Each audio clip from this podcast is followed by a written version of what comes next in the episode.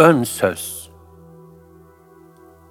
Bizleri yoktan var eden, varlıkların en mükerremi insan kılan, İslam ve iman nimetleriyle şereflendirip, varlığının ve birliğinin şahitlerinden eyleyen Allah Teala'ya sonsuz hamdü senalar olsun. Emsalsiz örnek şahsiyetiyle dünyada saadet rehberimiz, ukbada ise şefaatçimiz, Hazreti Muhammed Mustafa'ya sonsuz salatü selam olsun. İman ufkundan bakıldığında çok net olarak görülür ki, bu cihan baştan başa bir iman dershanesi. Vuku bulan bütün hadiseler ilahi imtihan tecellileri. Hayatta ebediyet diyarına bir yolculuktur. Bu sonsuzluk kervanı içinde en büyük vazifemiz nefsin rehavetine kapılmamak, tembellik ve ihmalkarlık ederek ilahi imtihanlara hazırlıksız yakalanmamak, fani hayatın alık, abus ve şaşkın bir yolcusu olmamaktır. Bilakis ilahi azamet, sır ve hikmet tecellileri karşısında uyanık olmaktır. Hiç şüphesiz ki böyle bir hayat kalbi olgunluk ister. Kısa bir ömür takvimi içinde hayatın gel geç seraplarına aldanmayacak güçlü bir dirayet ister. Bir müddet sonra veda edilecek dünyevi menfaatler için çekişmenin, gönül kırmanın ve hak çiğnemenin ne feci bir hata olduğunu görecek yüksek bir basiret ister. Faniliğin idraki içinde olarak bu cihana gönderiliş hikmetini sezecek firaset ister. Şüphesiz ki bütün bu meziyetlerin kaynağı da İslam'dır. Lakin bir şeye ram olmadan ona sahip olunamayacağı çok net bir hakikattir. Bu sebeple İslam nimetini en güzel şekilde idrak edebilmek, onu aklen olduğu kadar kalben de hazmedebilmeye, onu hayatının her safhasına hakim kılmaya bağlıdır. Bunun içinde insanın yüksek bir gönül eğitiminden geçmesi icap eder. Bizlere bu eğitimi verecek olan beni Rabbim terbiye etti ve terbiyemi ne güzel kıldı buyuran Peygamber Efendimiz sallallahu aleyhi ve sellem ve onu müstesna bir hassasiyetle takip eden peygamber varisi alim ve arifler yani hak dostlarıdır. Onların irşat sadalarına kulak vermeden hakikati işitmek, doğru yolu bulmak, alemdeki hikmetlere nazar etmek, hayat ve kainat muammasını çözmek, nakıs akılların ve ham gönüllerin kârı değildir. Kıymetli dinleyicimiz, Şebnem dergimizde aylık olarak yayınlanan yazılarımızdan derlediğimiz elinizdeki bu kitap da huzurlu bir hayat için gerekli olan pek mühim İslami ölçülerin bir kısmını ihtiva etmektedir. Hemen hemen bütün konular peygamberlerin, sahabe-i kiramın hak dostu alim ve arif zatların hayatından bir kıssa veya tarihi bir menkıbe etrafında kısa ve öz bir şekilde ifade edilmeye çalışılmıştır. Böylece mücerret hakikatlerin müşahhas misaller yardımıyla daha kolay idrak edilmesi hedeflenmiştir. Kitabın muhtevasını kısaca arz edecek olursak, hassas bir gönle sahip bir mümin, her şeyden ibret dersi çıkararak hal ve tavırlarını doğrultmaya gayret eder. Onun duyacağı bir nasihat, binbir ibret alması için kafi gelir. Gaflet ve kasvet içindeki ham bir kalp ise, en tesirli öğütlerden bile hisse alamaz. Böyleleri nasihatle değil, ancak musibetle ıslah olurlar. Bu sebeple musibete uğramamak için nasihatten ibret almak en akıllıca yoldur. Zira insanın aklını başına getirecek pek çok musibetin geri dönüşü ve telafisi yoktur. Bizler de gördüğümüz her ibret tablosunu ve işittiğimiz her nasihati kendimize yapılmış gibi görerek nefsimizi sigaya çekmeli ve samimi bir vicdan muhasebesi içinde olmalıyız. Müminler olarak bu cihandaki en büyük dava ve iddiamız imandır. Fakat her iddianın ispata ihtiyaç duyması gibi bu iddianın da deliller ve şahitler vasıtasıyla ispatlanması şarttır. Yani iman ispat ister.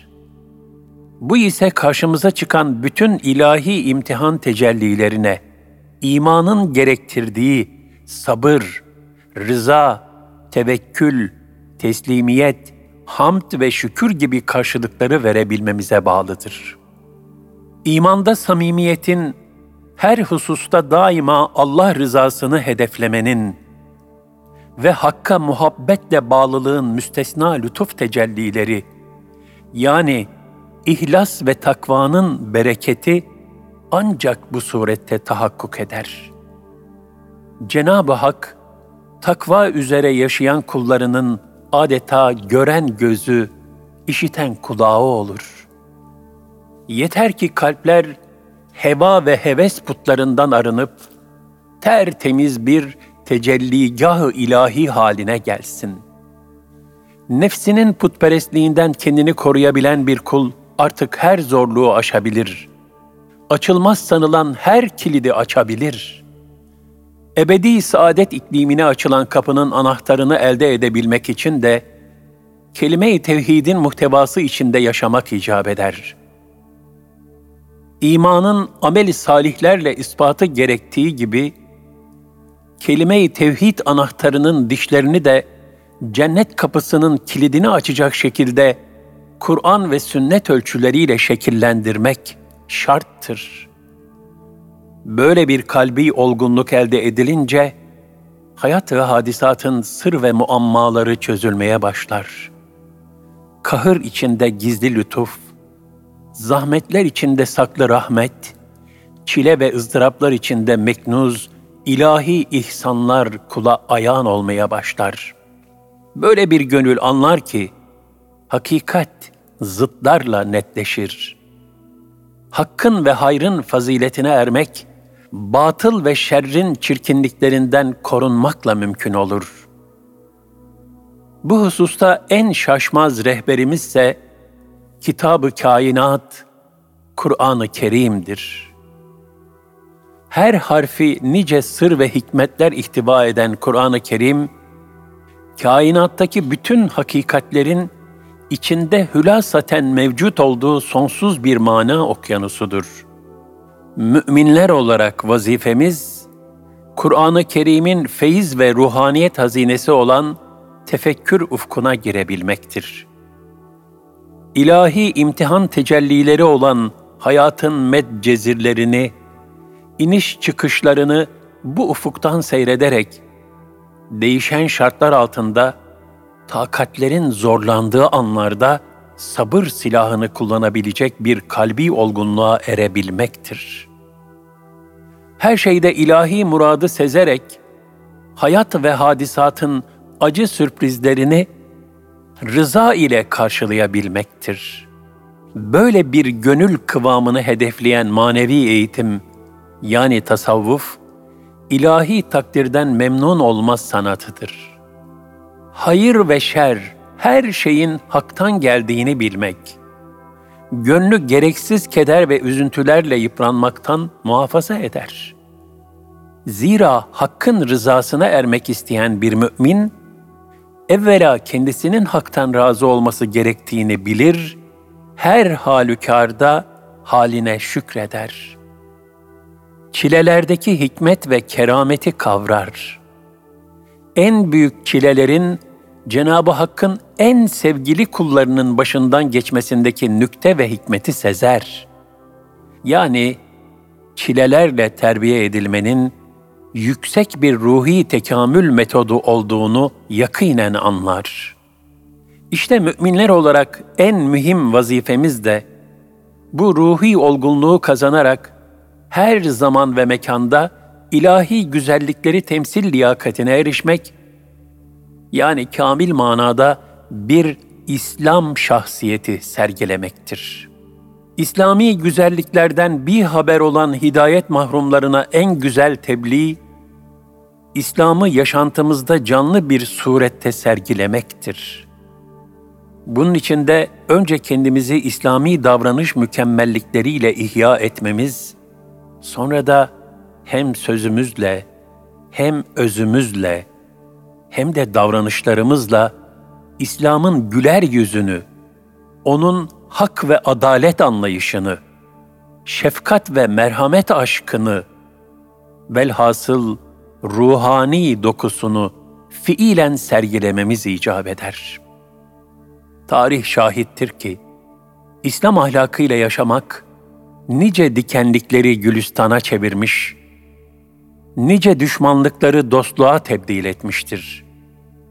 Bu itibarla müminler olarak İslam ahlakını temsildeki şiarımız, seni öldürmeye gelen, sende dirilsin olmalıdır. Zira gerçek bir mümin, kendi ebedi kurtuluşunun başkalarının da kurtuluşuna hizmet etmekten geçtiğinin farkında olan diğer gam insandır. İmanın ilk meyvesi merhamettir. Yaratandan ötürü yaratılana şefkat ve merhamet, iman muktezasıdır. İmanı aşk ile yaşayan bir müminin gönlü, bütün mahlukatı merhametle kucaklayan seyyar bir dergah halindedir. Gönüllerinde bu dergahı açabilmek, en başta toplumlara rehberlik eden öndekilerin mesuliyetidir. Zira öndekilerin olumlu olumsuz her hali, durgun suya düşen bir damlanın meydana getirdiği halkalar misali hızla etrafına yayılır. Bu sebeple bilhassa onlar, gönüllerindeki temayüllere ve davranışlarına daha fazla dikkat etmek zorundadırlar.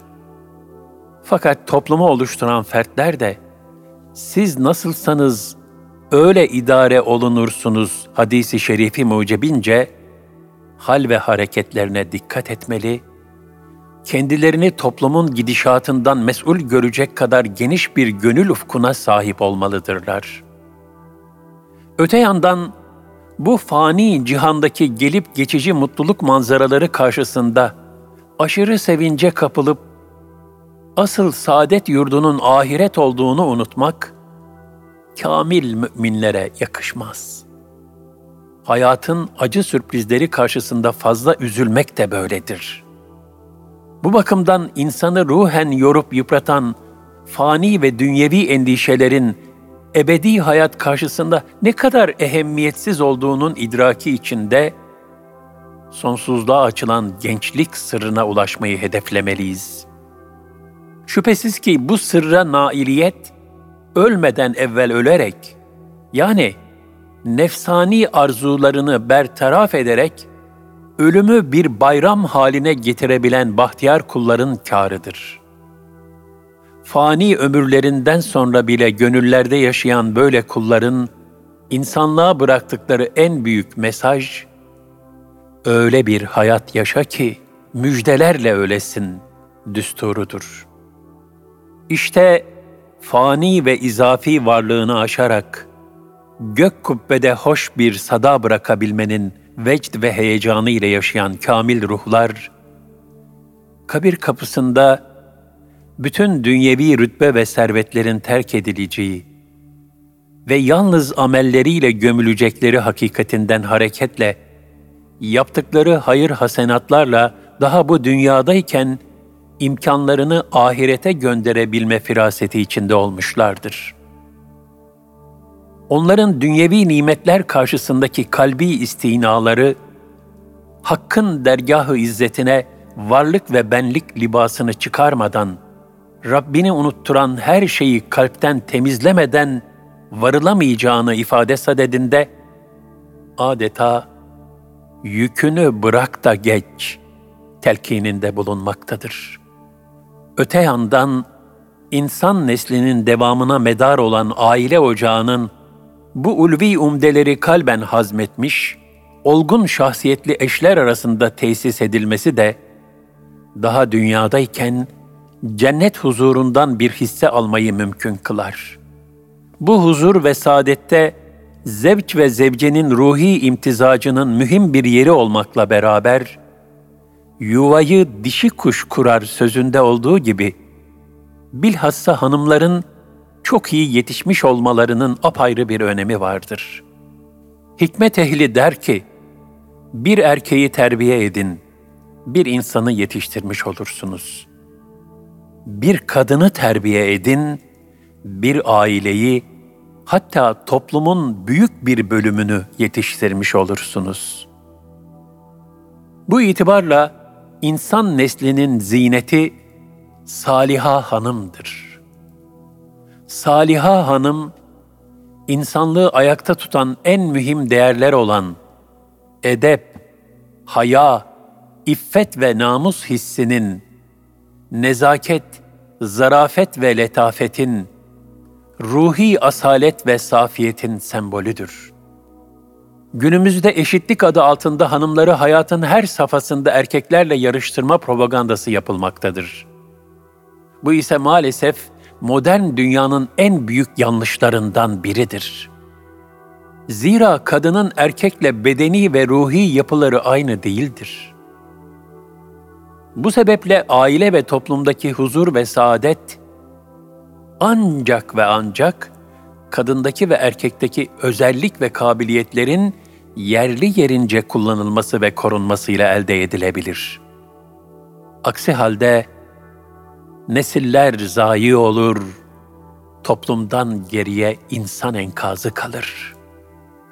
Bu bakımdan bilhassa genç kızlarımızın modern dünyanın müptezel hastalıklarına bulaşmadan asr-ı saadetten Saliha Hanım modelini kendilerine numune almaları ve böylece safiyeti bozulmamış bir İslam şahsiyeti sergileyerek etraflarına da örnek olmaları gerekir.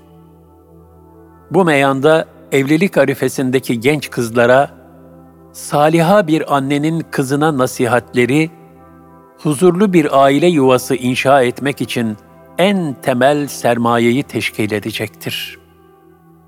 Asırlardır süre gelen İslami örfümüzde bu nasihatlerin mühim bir yeri vardır. Bu nasihatlerin özü ise önce kendini değil, hayat arkadaşını düşünmek, yani hodgamlık değil, diğergamlıktır. Ayrıca eşlerin birbirini takvaya teşvik etmesi ve birbirinin ahiret saadetine yardımcı olması da ailede huzurun temel sahiklerindendir. Bu da eşlerin iman ve ahlaktaki olgunluk seviyesine bağlı bir keyfiyettir.